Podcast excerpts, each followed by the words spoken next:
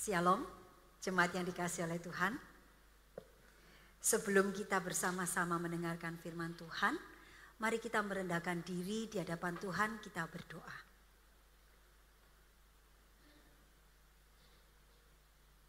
Kami bersyukur ya Bapa, karena Engkau telah memberikan kepada kami kasih yang sempurna. Kasih yang tidak dipengaruhi dari apa yang kami lakukan, tetapi kasih yang sempurna yang berdasarkan kasihmu yang besar. Kami bersyukur di dalam seluruh kehidupan kami, Allah yang memegang kendali. Engkau menjaga dan memelihara kehidupan kami, dan engkau menuntun kami dengan kebenaran firman-Mu. Tolonglah setiap kami pada pagi hari ini ketika kami akan bersama-sama belajar firman-Mu. Bukalah mata dan hati kami untuk boleh melihat dan mendengarkan kebenaran rohani yang berasal daripadamu. Agar firman itu sungguh-sungguh boleh menjadi firman yang menuntun setiap langkah kehidupan kami. Sehingga kami boleh menjadi anak-anak Tuhan yang semakin hari semakin serupa dengan Engkau dan hidup memuliakan Engkau. Terima kasih Bapa di surga. Kami mohon kiranya Allah Roh Kudus berbicara kepada setiap kami. Hanya di dalam nama Tuhan Yesus kami berdoa. Amin. Bapak Ibu yang dikasih oleh Tuhan, sebelum saya mengajak kita membaca bagian firman Tuhan yang akan menjadi dasar renungan firman Tuhan hari ini, saya akan membacakan satu ayat yang sangat ditaati oleh Bapak Ibu di dalam Lukas 14 ayat 10 yang berkata demikian. Tetapi apabila engkau diundang, pergilah duduk di tempat yang paling rendah. Mungkin tuan rumah akan datang dan berkata kepadamu, sahabat silakan duduk di depan. Dan dengan demikian engkau akan menerima hormat di depan mata semua tamu yang lain. Ya, saya heran kenapa selalu ada beberapa bangku di depan ini yang senantiasa kosong. Ya, saya nggak tahu apakah di situ ada penghuninya yang membuat kita nggak berani duduk di situ gitu ya. Atau kita semua seperti dalam bagian firman Tuhan Lukas 14 ayat 10 ini ya saya duduk di belakang aja. Nanti kalau dipersilakan maju saya baru maju ke depan gitu ya. Nah saya selaku tuan rumah gitu ya. Anggap saja saya tuan rumah yang menyelenggarakan pesta gitu ya. Mengundang bapak ibu yang duduk di belakang untuk maju ke depan. Nah, silakan bapak ibu maju ke depan. Nah ayo. Kita itu kalau nonton konser senengnya kan duduk di depan toh.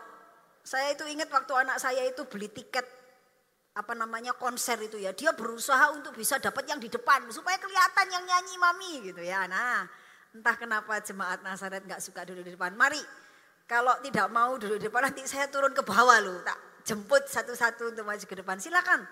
Minta tolong ini ada satu dua tiga. Tiga bangku di belakang dikosongi. Maju ke depan. Silakan Sebetulnya malu loh ya disuruh gitu ya. Masa rek duduk di depan aja disuruh-suruh. Jadi minta tolong minggu depan yang datang lebih awal duduk di depan ya. Supaya rekan-rekan kita yang mungkin karena sesuatu dan lain hal duduk datangnya agak terlambat bisa duduk di belakang ya silakan. Oke. Terima kasih untuk dukungannya gitu ya. Karena kalau saya itu ngomong di depan kosong ini rasanya piye gitu ya kurang mantep gitu ya. Nah, sekarang saya mengajak kita untuk membaca di dalam Lukas pasal 15. Kita akan belajar dari satu perikop yaitu tentang perumpamaan anak yang hilang. Bagian ini cukup panjang ya dari Mas, uh, Lukas 15 ayat 11 sampai 32. Tapi saya tidak membacakan keseluruhannya ya. Saya hanya akan membaca mulai pasal 15 ayat 11 sampai 14 Kemudian dilanjutkan ayat 25 sampai 30. Ya. Lukas 15 ayat 11 sampai 32. Saya akan membacakan, silakan Bapak Ibu memperhatikan demikian bunyi firman Tuhan. Yesus berkata lagi, ada seorang mempunyai dua anak laki-laki. Kata yang bungsu kepada ayahnya, Bapak, berikanlah kepadaku bagian harta milik kita yang menjadi hakku. Lalu ayahnya membagi-bagikan harta kekayaan itu di antara mereka. Beberapa hari kemudian anak bungsu itu menjual seluruh bagiannya itu lalu pergi ke negeri yang jauh. Di sana ia memboroskan harta miliknya itu dengan hidup berfoya-foya. Setelah dihabiskannya semuanya, timbullah bencana kelaparan di dalam negeri itu, dan ia pun mulai melarat. Kemudian kita langsung lompat di pasal 15 ayat 25. Tetapi anaknya yang sulung berada di ladang dan ketika ia pulang dan dekat ke rumah, ia mendengar bunyi seruling dan nyanyian tari-tarian. Lalu ia memanggil salah seorang hamba dan bertanya kepadanya, "Apa arti semua itu?" Jawab hamba itu, "Adikmu telah kembali dan ayahmu telah menyembeli anak lembu tambun karena ia mendapatkan kembali dengan sehat." Maka marahlah anak sulung itu dan ia tidak mau masuk.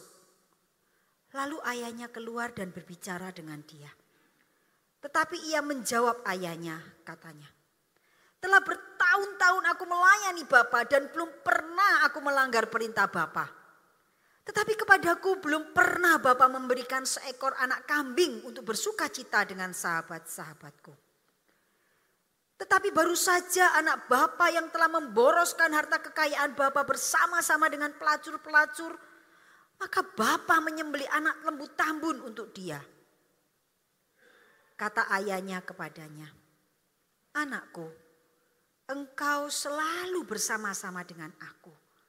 Dan segala kepunyaanku adalah kepunyaanmu. Demikian pembacaan firman Tuhan. Bapak Ibu yang dikasih oleh Tuhan, kalau kita membaca uh, atau mendengar uh, perumpamaan tentang anak yang hilang, ini adalah perumpamaan yang sangat populer, ya. Mungkin di antara kita sudah puluhan kali mendengar uh, cerita atau perumpamaan anak yang hilang ini, mungkin mulai sekolah minggu begitu ya. Bahkan di dalam ibadah umum mungkin sudah beberapa kali perumpamaan ini dikotbahkan. Siapakah sebetulnya anak yang hilang? Kalau kita mendengar pertanyaan ini, saya yakin sebagian besar kita akan menjawab bahwa si bungsulah yang hilang. Ya, ketika kita membaca atau mendengar e, tema perumpamaan anak yang hilang, maka akan segera terlintas dalam pikiran kita tentang kisah si bungsu, gitu ya. Nah, Tadi kan saya tidak baca ayatnya secara keseluruhan ya karena cukup panjang. Nah saya coba akan e, mereview kembali pakai buku cerita ya. Karena menurut penelitian orang dewasa juga senang dengan cerita gitu ya, nggak cuma anak-anak. Jadi ini adalah buku yang biasanya saya gunakan untuk ngajar waktu di TK gitu ya. Saya mau anu apa namanya e, mengingat kembali gitu ya. Tapi ya silakan Pak. Tapi Bapak Ibu tidak perlu merasa diperlakukan sebagai anak TK ya. Nah, jadi buku cerita ini judulnya anak laki-laki yang meninggalkan rumahnya. Ya. Nah, dalam cerita ini dikisahkan bahwa ada seorang bapak yang punya dua orang anak. Nah, satu ketika anaknya yang kecil ngomong sama bapaknya. Dedi, Papa berikan kepadaku bagian warisanku. Dan kemudian ayahnya membagikan warisan itu kepada mereka. Lalu apa yang dilakukan oleh si bungsu dengan warisannya? Dia menjual semua warisannya dan dia pergi meninggalkan ayahnya. Goodbye, Daddy, ya. Sampai jumpa lagi atau mungkin dia tidak mengatakan sampai jumpa lagi. Selamat tinggal, ya. Nah, lalu dia pergi. Apa yang dia lakukan? Nah, ya. Ini ceritanya versi anak TK ya. Nah si bungsu ini mengatakan, hmm, enak sekarang aku ini ya. bebas. Enggak ada yang suruh-suruh aku lagi. Enggak ada yang perintah-perintah aku lagi. Aku bisa lakukan apa saja sesuai dengan keinginanku. Ih, merdeka, gitu ya. Nah, dia bisa santai. Lalu dia ngomong, ternyata enak ya hidup ngatur diri sendiri. Enggak ada yang bilang, makan wortelmu, ayo segera tidur siang, ayo cepat mandi. Enggak ada. Nah enak ya, bebas merdeka, mau lakukan apa saja. Lalu apa yang dia lakukan dengan uangnya? Uangnya kan banyak ya. Dia pergi berbelanja, membeli apa saja yang menjadi kesukaan hatinya. Hmm. Tapi lama-lama uangnya apa? Habis. Dia tidak menemukan lagi uang di dalam kantung uangnya. Lalu dia berpikir, wah ini saya udah nggak punya duit. Kalau nggak punya duit nggak bisa beli makanan. Kalau nggak punya makanan lapar. Jadi apa yang harus dilakukan? Kerja, ya. Nah, dia bekerja, tetapi dia hanya bisa bekerja sebagai apa? Penjaga babi. Nah, kumpulnya dengan babi. Ketika dia lapar, dia mau makan. Bahkan makan makanannya babi pun tidak ada yang kasih. Waduh, betapa menderitanya ya. Dia mulai mikir. Dia mulai mengingat. Di rumah papaku itu ada banyak sekali makanan. Bahkan hamba-hambanya papaku itu bisa makan dengan kenyang. Lah hidupku ini kok susah temen toh ya. Kok menderita sekali ya. Wis aku tak pulang aja. Kalau papaku tuh tidak mau jadikan aku anak karena aku ini udah kelewat nakal. Sudah minta bagian hartaku. Minimal aku bisa jadi hambanya. Jadi pegawainya papaku. Jadi aku bisa makan dengan kenyang. Enggak susah ya. Nah lalu dia memutuskan untuk pulang. Untung dia masih ingat jalan pulang ya. Dia pulang. Nah hatinya orang Jawa bilang dredek. Wah nanti kalau aku pulang kira-kira disambut nggak ya sama papa? Atau diusir sama papa? Nah ternyata papanya tunggu ya. Selama ini papanya selalu menunggu anaknya pulang. Dan ketika melihat anaknya pulang, ayahnya menyambut dengan gembira. Dipeluklah anaknya ya.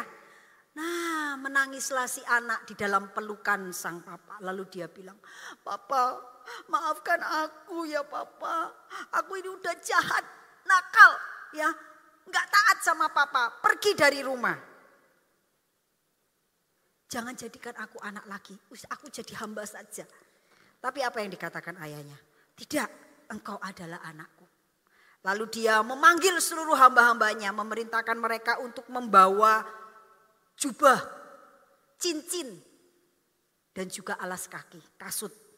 Lalu dia mengadakan pesta, mengundang semua untuk bersuka cita. Dan sering kali kisah itu berakhir sampai di sini. Udah habis, nggak ada lanjutannya ya.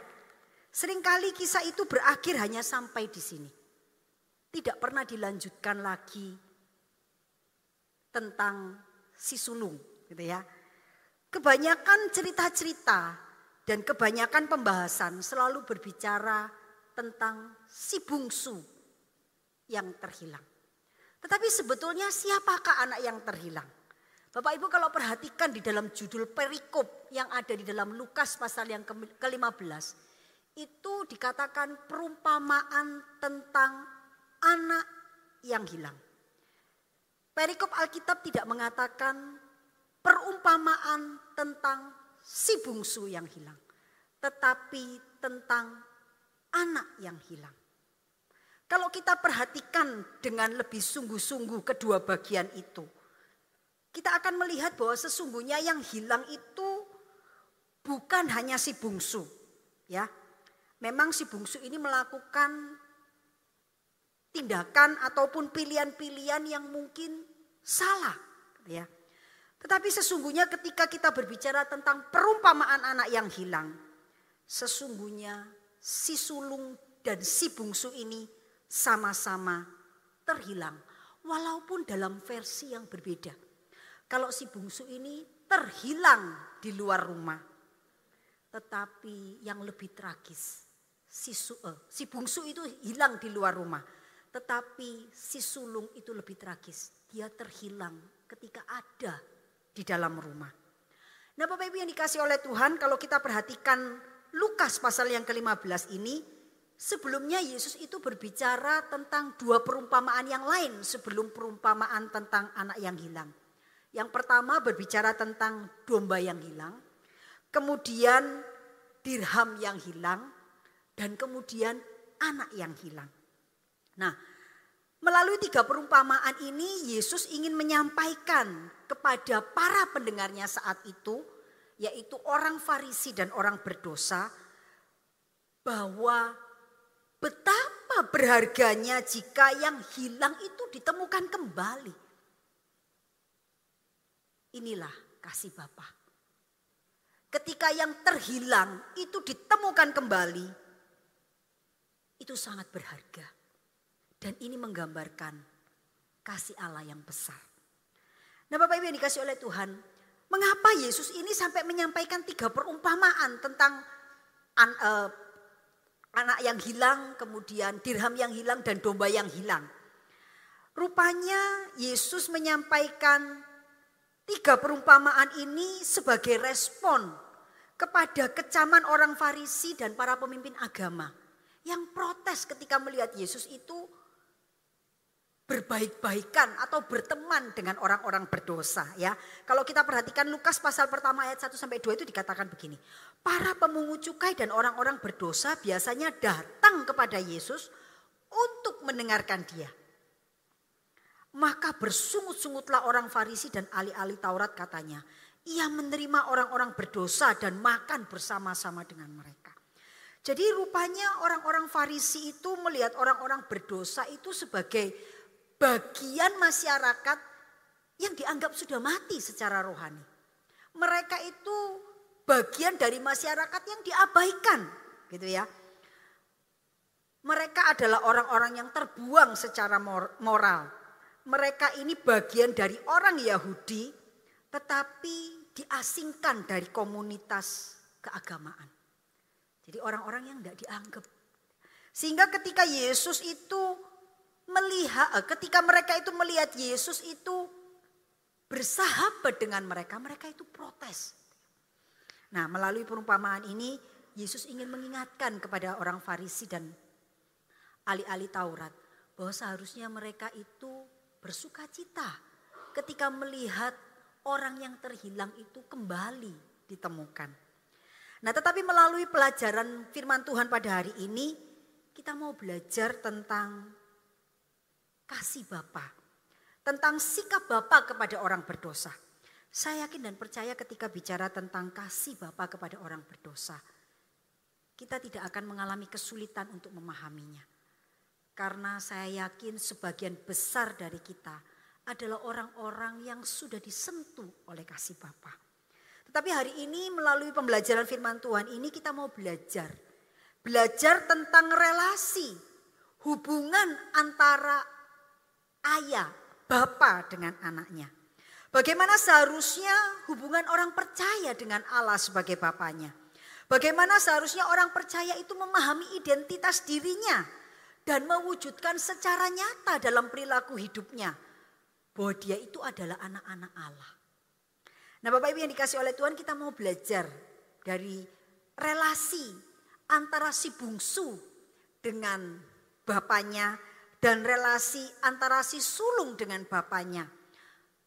Dan melihat kenapa sampai mereka ini dikatakan sebagai anak-anak yang terhilang.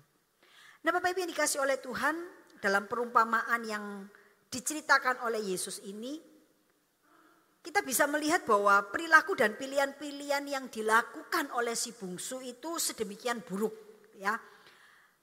Dan akibatnya dia menerima sesuatu yang buruk juga. Kalau kita membaca bagian ini dalam konteks kita hari ini tentang apa yang dilakukan oleh si bungsu, kita mungkin hanya mengatakan ya itu pilihan yang salah lah, enggak baik. Tetapi kalau kita itu membaca bagian ini dalam konteks hukum Yahudi pada saat itu. Apa yang dilakukan si bungsu ini keterlaluan dan kelewat batas. Seorang anak yang meminta warisan kepada ayahnya ketika ayahnya masih hidup itu itu merupakan sebuah tindakan yang keterlaluan gitu ya. Bukan hanya nggak baik. Tetapi sebuah tindakan yang bisa dikatakan tidak tahu diri gitu ya. Atau dia itu secara tersurat mengatakan bahwa saya itu nggak sabar loh tunggu bapak mati gitu ya. Jadi segeralah berikan warisan itu kepada saya gitu ya. Seorang ayah itu pasti akan mewariskan warisan kepada anaknya. Tetapi biasanya warisan itu diberikan ketika sang ayah sudah meninggal. Ya. Jadi ketika ayahnya masih hidup, harta itu sepenuhnya milik ayahnya. Dan anak itu seharusnya tidak punya hak untuk meminta dan mengatakan bagikan harta milik kita yang menjadi hakku. Karena sesungguhnya harta itu tetap milik ayahnya dan menjadi hak ayahnya. Tetapi rupanya si bungsu ini tidak sabar menunggu sampai ayahnya meninggal, ya. Baru menerima warisan. Jadi dia meminta kepada ayahnya, "Berikan kepadaku harta kita yang menjadi hakku." Nah, ini sudah keliru ya. Nah, tetapi dengan meminta bagian warisan kepada ayahnya saat ayahnya masih hidup itu berarti dia menganggap ayahnya sudah mati.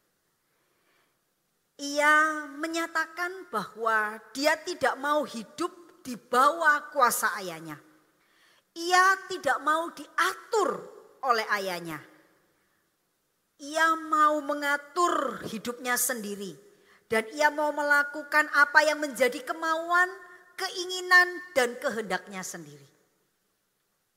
Kalau dalam cerita ini kan tadi meskipun dengan versi yang berbeda gitu ya. Sang anak ini tadi kan ngomong, "Mes enak aku ya, sekarang tidak ada yang menyuruh-nyuruh aku lagi." gitu ya. Nih ya. Tidak ada yang menyuruh-nyuruh aku lagi, wis enak gitu ya. Tidak ada yang perintah-perintah aku lagi. Tidak ada yang suruh aku tidur siang. Tidak ada suruh aku makan wortel. Ini kan dalam pemahaman anak-anak kecil gitu ya. Tetapi dalam pemahaman orang dewasa kita berpikir bahwa si anak ini nggak mau diatur hidupnya. Dia mau ngatur hidupnya sendiri. Melakukan apa yang ia mau. Selain itu, di dalam hukum Yahudi, tanah yang diwariskan turun-menurun itu tidak boleh dijual. Ya, kalau Bapak Ibu ingat pembacaan Alkitab satu hari satu pasal, tanah itu tidak boleh dijual. Kalau dalam keadaan yang sangat uh, terpaksa itu dilepaskan tidak permanen. Hak atas tanah itu dilepaskan tidak permanen atau dijual semacam gadai begitu yang nantinya bisa ditebus. Bahkan ketika tahun Yobel tanah itu harus dikembalikan kepada pemiliknya. Kepada suku yang mendapat bagian dari warisan itu. Dalam ayat 13 dikatakan bahwa si bungsu ini menjual seluruh warisannya. Itu berarti dia menjual juga tanah pemberian ayahnya. Dan secara hukum ia tidak mungkin menjual itu kepada sesama orang Yahudi. Karena sesama orang Yahudi tidak akan mau beli. ya Karena aturan dalam hukum Taurat jelas tidak boleh membeli tanah dari suku lain supaya tanah warisan suku itu tidak pernah berkurang jumlahnya sama untuk menghidupi suku itu. Ya. Jadi kalau dia itu dikatakan menjual seluruh hartanya, kemungkinan besar si bungsu ini menjual kepada orang kafir dan ini menjadi sebuah kesalahan yang jauh lebih besar gitu ya. Ini adalah sebuah pelanggaran berat. Dari kisah ini kita melihat bahwa si bungsu ini melakukan begitu banyak pilihan-pilihan yang salah di dalam hidupnya dan tidak berhenti sampai di situ. Diceritakan bahwa dia menghamburkan hartanya, hidup foya-foya, kemudian jatuh miskin. Setelah jatuh miskin, dia menjadi tidak eh, menjadi kelaparan, lalu dia menjadi penjaga babi. Bekerja sebagai penjaga babi. Bapak Ibu yang dikasih oleh Tuhan, babi itu adalah binatang yang dianggapnya najis pada masa itu. Sehingga orang yang bekerja menjadi penjaga babi itu mengalami sebuah pekerjaan atau melakukan pekerjaan yang sangat hina. Apalagi kalau itu dilakukan oleh seorang Yahudi. Itu sangat hina. Tetapi si bungsu ini harus mengalami sebuah kondisi yang buruk karena pilihan-pilihannya yang salah. Nah Bapak Ibu yang dikasih oleh Tuhan, ini jelas kelihatan. Salah langkah, meninggalkan bapaknya, melakukan apa yang diinginkan sesuka hatinya, dan kemudian menerima akibatnya. Dan si bungsu ini menyadari bahwa jalan terbaik untuk hidupnya, untuk memperbaiki keadaannya adalah pulang ke rumah Bapak. Bapak Ibu yang dikasih oleh Tuhan, kita mungkin mengatakan kepada diri kita, saya mah gak sekacau si bungsu lah. Saya gak pernah meninggalkan Allah. Saya masih rajin ke gereja. Saya berdoa, saya baca Alkitab. Saya enggak seperti si bungsu yang uh, meninggalkan Bapak gitu ya. Secara vulgar dan terang-terangan melakukan sebuah tindakan yang begitu buruk. Tetapi Bapak Ibu yang dikasih oleh Tuhan, tidak jarang dalam modusnya kita itu melakukan hal yang sama, ya. Kalau kita lihat si bungsu ini ketika bicara dengan ayahnya mengatakan berikan kepadaku warisan yang menjadi hakku. Dia mau sesuatu dari ayahnya. Dia mau warisan dari ayahnya. Tetapi dia tidak mau hidup di bawah kuasa ayahnya. Dia mau harta warisan ayahnya. Tetapi dia tidak mau memiliki relasi dengan ayahnya.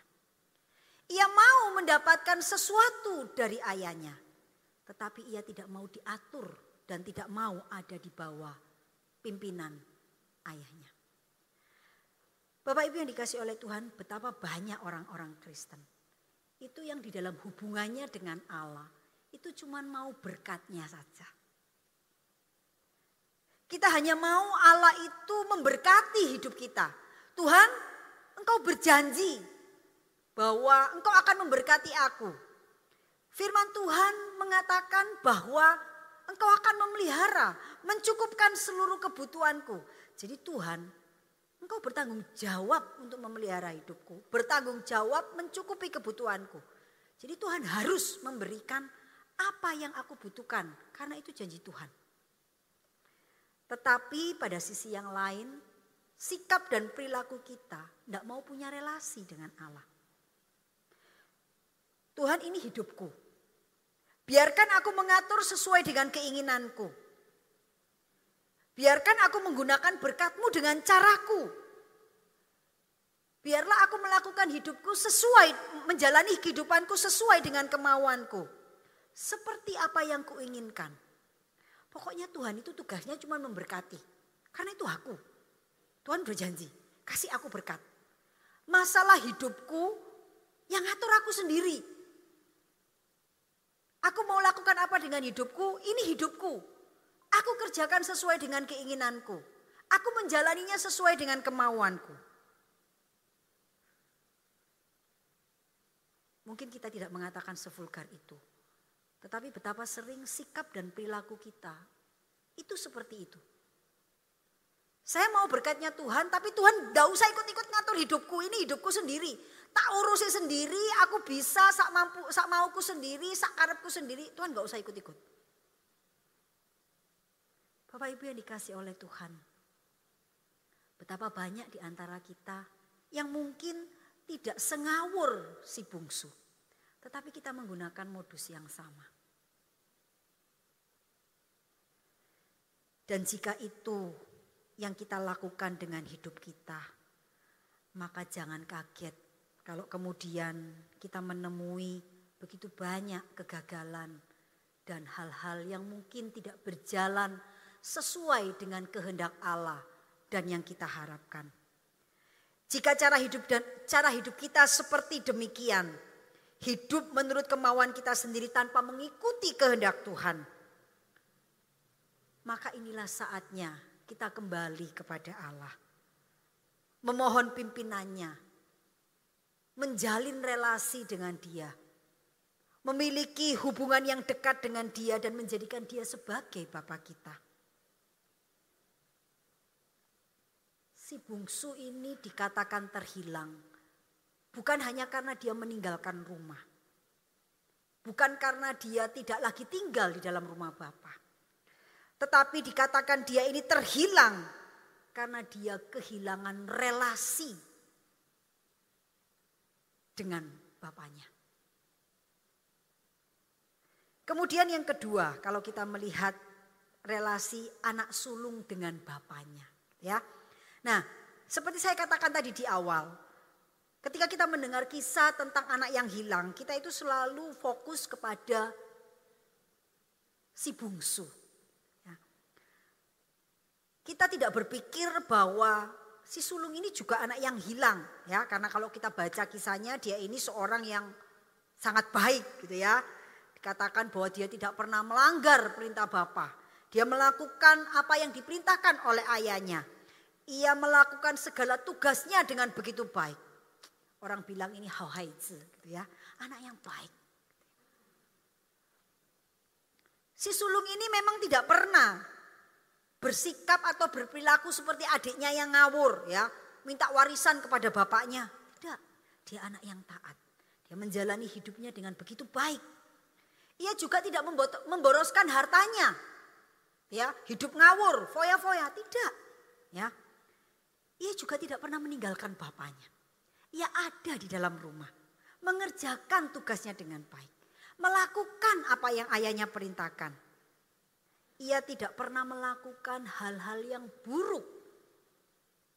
Tetapi tragisnya, anak sulung ini sebetulnya juga anak yang hilang. Hilangnya di dalam rumah Dia adalah anak yang terhilang di dalam rumah Bapa. Ketika kita berbicara terhilang, seperti saya katakan tadi, ini tidak berbicara tentang si sulung ini ada di mana. Dia ada di dalam rumah. Si sulung ini dikatakan terhilang bukan karena ia jauh dari ayahnya atau meninggalkan rumah. Atau foya-foya menghamburkan harta ayahnya. Dia terhilang karena dia kehilangan relasi dengan bapaknya. Dia ada di dalam rumah, dekat secara fisik dengan ayahnya.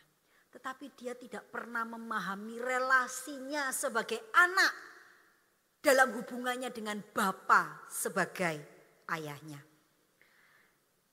Walaupun kelihatannya itu dia anak yang teladan ya melakukan hal-hal yang baik, patuh, bekerja keras, tinggal di rumah Bapak.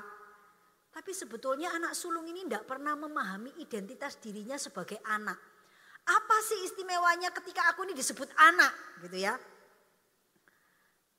Saya yakin teman-temannya si sulung itu tahu ya, kamu ini anaknya bapak yang kaya ya. Atau pegawai-pegawainya, budak-budak, orang-orang upahan yang ada di rumah bapaknya itu tahu. Mengenali si sulung ini sebagai anak dari tuanya, anak bapaknya. Tetapi ironisnya si sulung ini sendiri tidak pernah tahu kalau dia ini adalah anak yang punya begitu banyak keistimewaan di dalam hidupnya. Ia tidak memahami identitasnya sebagai anak dan tidak hidup bersikap sebagai seorang anak. Ia tidak menyadari keistimewaan apa yang seharusnya dia miliki ketika ia disebut sebagai anak. Mengapa saya mengatakan demikian? Ini terlihat dari cara dia melontarkan kemarahannya kepada ayahnya. Ya, dia mengatakan begini kepada ayahnya. Telah bertahun-tahun aku melayani Bapa. Belum pernah aku melanggar perintah Bapa. Tetapi kepadaku belum pernah Bapak itu memberikan seekor anak kambing. Dia tidak ngomong anak domba yang tambun. Dia hanya ngomong seekor anak kambing. Untuk bersuka cita dengan sahabat-sahabatku. Ketika dia melontarkan kata-kata ini, dia itu tidak memposisikan dirinya sebagai anak. Dia mengulas apa-apa yang dia sudah lakukan. Aku melayani Bapak. Aku tidak pernah melanggar apa yang Bapak katakan. Aku tidak pernah tidak melakukan apa yang Bapak perintahkan.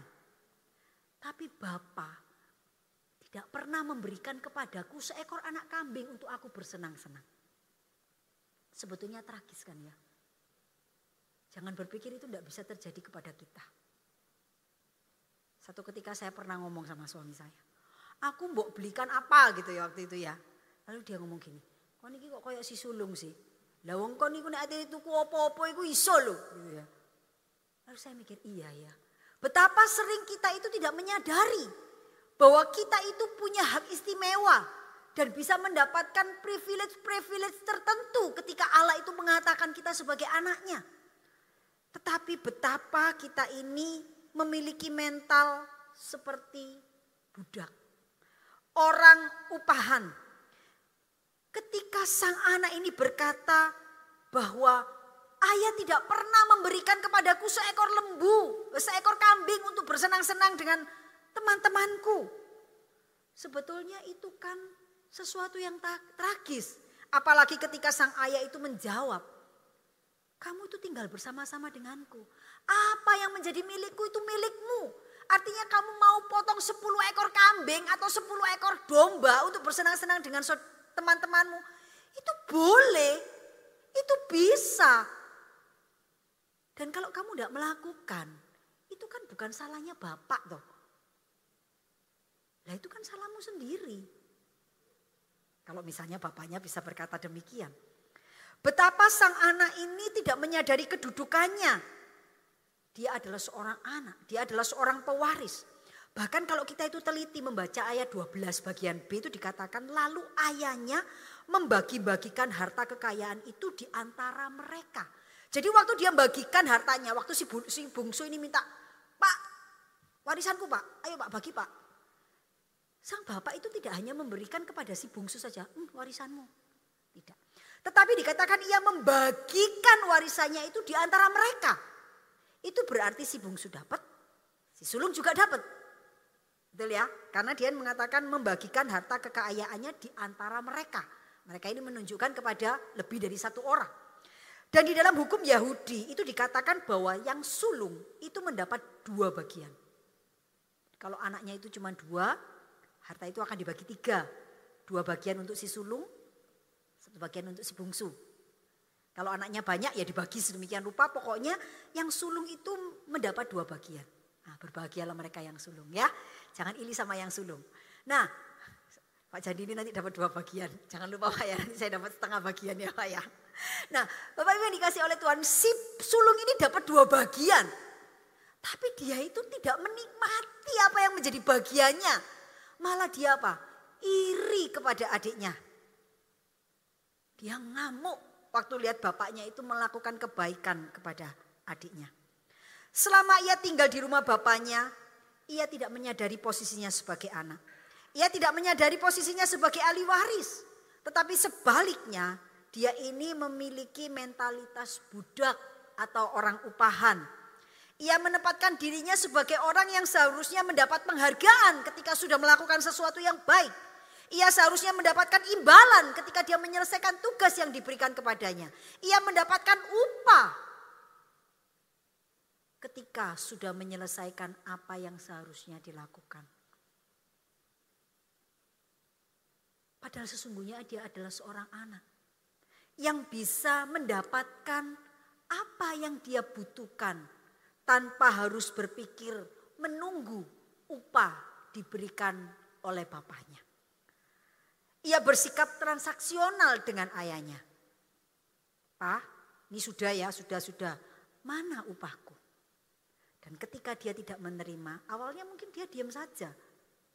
Tetapi begitu dia melihat ayahnya melakukan sesuatu kepada adiknya, dia menjadi marah dan menjadi sakit hati. Bapak Ibu yang dikasih oleh Tuhan, jawaban sang ayah ini mengingatkan arti hubungan bapak dan anak. Dia mengatakan dengan lembut kepada anaknya, anakku engkau selalu bersama-sama dengan aku. Dan segala kepunyaanku adalah kepunyaanmu. Bapak ini mengingatkan kepada si sulung bahwa hidupnya itu selalu bersama-sama dengan dia.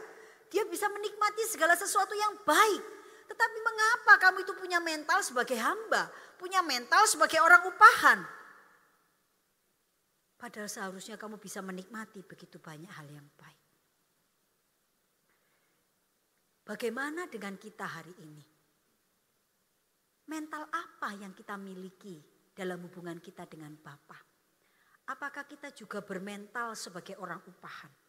Apakah kita juga bersikap transaksional kepada Allah? Kita mungkin mengatakan kepada Tuhan, Tuhan, aku ini hao haizi rajin baca Alkitab, rajin berdoa, rajin pelayanan, rajin ke gereja, nggak pernah bolong. Apa yang Tuhan berikan untukku? Tuhan, aku ini anak yang baik loh. Aku rajin ke gereja. Aku melakukan semua kewajiban-kewajiban yang Tuhan perintahkan kepadaku. Tapi mengapa Tuhan membiarkan hidupku sengsara? Kenapa Tuhan mengizinkan hal yang buruk terjadi kepadaku? Mengapa? Mengapa? Dan mengapa? Betapa sering kita berhubungan dengan Allah, berelasi dengan Allah, itu tidak menyatakan identitas kita sebagai anak. Kita menempatkan diri kita sebagai orang upahan. Ya pokoknya legalitasnya tak lakukan, aturannya tak lakukan harus begini-begini. Kalau sudah ya tinggal Tuhan, ayo tunggu mana janjimu, upahku mana. Bapak Ibu yang dikasih oleh Tuhan, di dalam banyak pembicaraan saya dengan anak-anak saya, terutama ketika mereka dalam pergumulan atau mereka mengalami sesuatu yang tidak baik. Gitu ya. Kalau sudah curhat sama mamanya itu saya selalu ngomong begini. Kata-kata ini yang selalu saya ulang kepada anak-anak saya. Kamu harus tahu bahwa kamu adalah anak yang dicintai oleh Allah. Ayo diingat-ingat apa saja yang Tuhan sudah lakukan dalam hidup. Allah itu tidak pernah memberi kepadamu apa adanya. Allah tidak pernah memberikan kepadamu seadanya. Tuhan tidak pernah memberikan kepadamu asal ada. Tetapi Tuhan itu selalu memberikan dan memiliki hal-hal yang paling baik untuk hidupmu. Bahkan sekalipun itu kadang-kadang tidak sepertinya tidak sesuai dengan harapanmu. Tapi Tuhan itu nggak pernah memberikan sesuatu yang tidak baik. Jadi ingatlah, kalau hari ini kamu sedang mengalami hal yang tidak baik, Tuhan itu sedang dalam proses memberikan atau memilihkan sesuatu yang paling baik dalam hidup. Kata-kata ini sering saya ulang. Dalam banyak kejadian saya ulang kembali. Tetapi kata-kata ini begitu menguatkan. Gitu ya, termasuk untuk saya sendiri. Ketika saya mengalami sesuatu yang buruk, saya mengatakan Tuhan, Tuhan gak pernah lo kasih saya yang jelek. Kalau hari ini Tuhan izinkan saya melewati hal yang buruk. Tuhan izinkan saya mengalami hal yang tidak baik. Saya percaya Tuhan itu sedang mengerjakan sesuatu yang lebih baik. Ya, kalau digambarkan itu seorang anak yang menggunakan kalung mutiara palsu.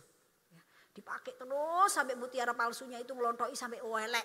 Ya, papanya bilang, kasih sama papa. Enggak mau, ini aku cinta sama kalungku, kasih sama papa. Ketika ia meminta, ia sedang menyediakan kalung mutiara yang asli. Yang lebih baik, yang gak akan rusak. Nah Bapak Ibu yang dikasih oleh Tuhan. Yang paling penting itu kita menyadari posisi, kesadaran kita identitas, akan identitas kita sebagai anak. Saya ini anak yang dikasihi. Yang bukan mendapatkan sesuatu karena upah. Tetapi yang diberi sesuatu oleh karena kasih Bapak yang besar. Bapak Ibu yang dikasih oleh Tuhan. Bagaimana relasi kita dengan Tuhan? Mari kita mencoba mengoreksi diri kita. Jangan-jangan saya ini menjadi si sulung. Anak yang terhilang di dalam rumah Bapa. Karena saya sesungguhnya tidak memiliki relasi dengan Allah. Yang tidak membuat saya itu menyadari keistimewaan saya sebagai anak. Yang membuat saya itu memahami betapa besarnya kasih Bapa di dalam hidupku. Bapak Ibu yang dikasih oleh Tuhan. Relasi adalah sebuah hal yang penting. Minggu yang lalu saya sudah mengingatkan kepada kita. Bahwa Kristus mati di atas kayu salib itu semata-mata bukan untuk menyelamatkan kita supaya kita masuk surga.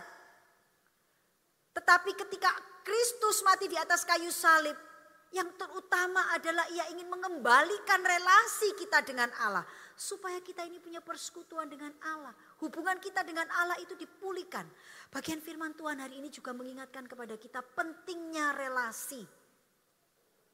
Karena itu Bapak Ibu yang dikasih oleh Tuhan. Kita perlu memiliki hubungan dengan Allah.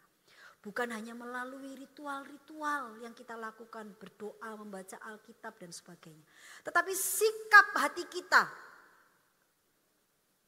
bahwa kita sungguh-sungguh menyadari dan berperilaku sebagai anak-anak Allah. Sehingga di dalam seluruh aspek kehidupan kita, ketika kita menghadapi kesulitan, ketika kita menghadapi permasalahan, atau ketika kita mengalami hal-hal yang besar dalam hidup kita, kita tahu Semuanya itu terjadi karena Allah sebagai Bapak kita dan kita adalah anaknya. Jadi Bapak Ibu yang dikasih oleh Tuhan melalui bagian ini kita belajar. Ketika seseorang itu dikatakan terhilang bukan karena dia di luar rumah. Bukan karena dia ada yang, tempat yang jauh. Tetapi ia tidak memiliki relasi dengan Allah. Tidak memiliki persekutuan dengan Allah. Tidak mau hidup di dalam pimpinan Allah. Itulah yang disebut anak yang terhilang. Jadi kalau hari ini Bapak Ibu tidak punya persekutuan dengan Tuhan, tidak punya relasi dengan Tuhan, tidak bersekutu dengan Tuhan, meskipun Bapak Ibu rajin ke gereja dan setiap pelayanan, mungkin kita perlu mengkaji ulang kondisi kerohanian kita. Jangan-jangan kita ini si sulung yang terhilang di rumah Bapak. Biarlah firman Tuhan pada hari ini mengingatkan kepada kita. Bahwa memiliki relasi yang baik dengan Allah. Itu adalah goal dalam hidup kita. Karena dengan memiliki relasi, menyadari identitas kita, memahami bahwa kita ini adalah anak-anak Allah. Maka kita akan hidup di dalam damai sejahtera dan sukacita yang sejati. Sebagai penutup saya akan membacakan sebuah kutipan gitu ya Perbuatan buruk tidak akan mengurangi kasih Bapa kepada kita.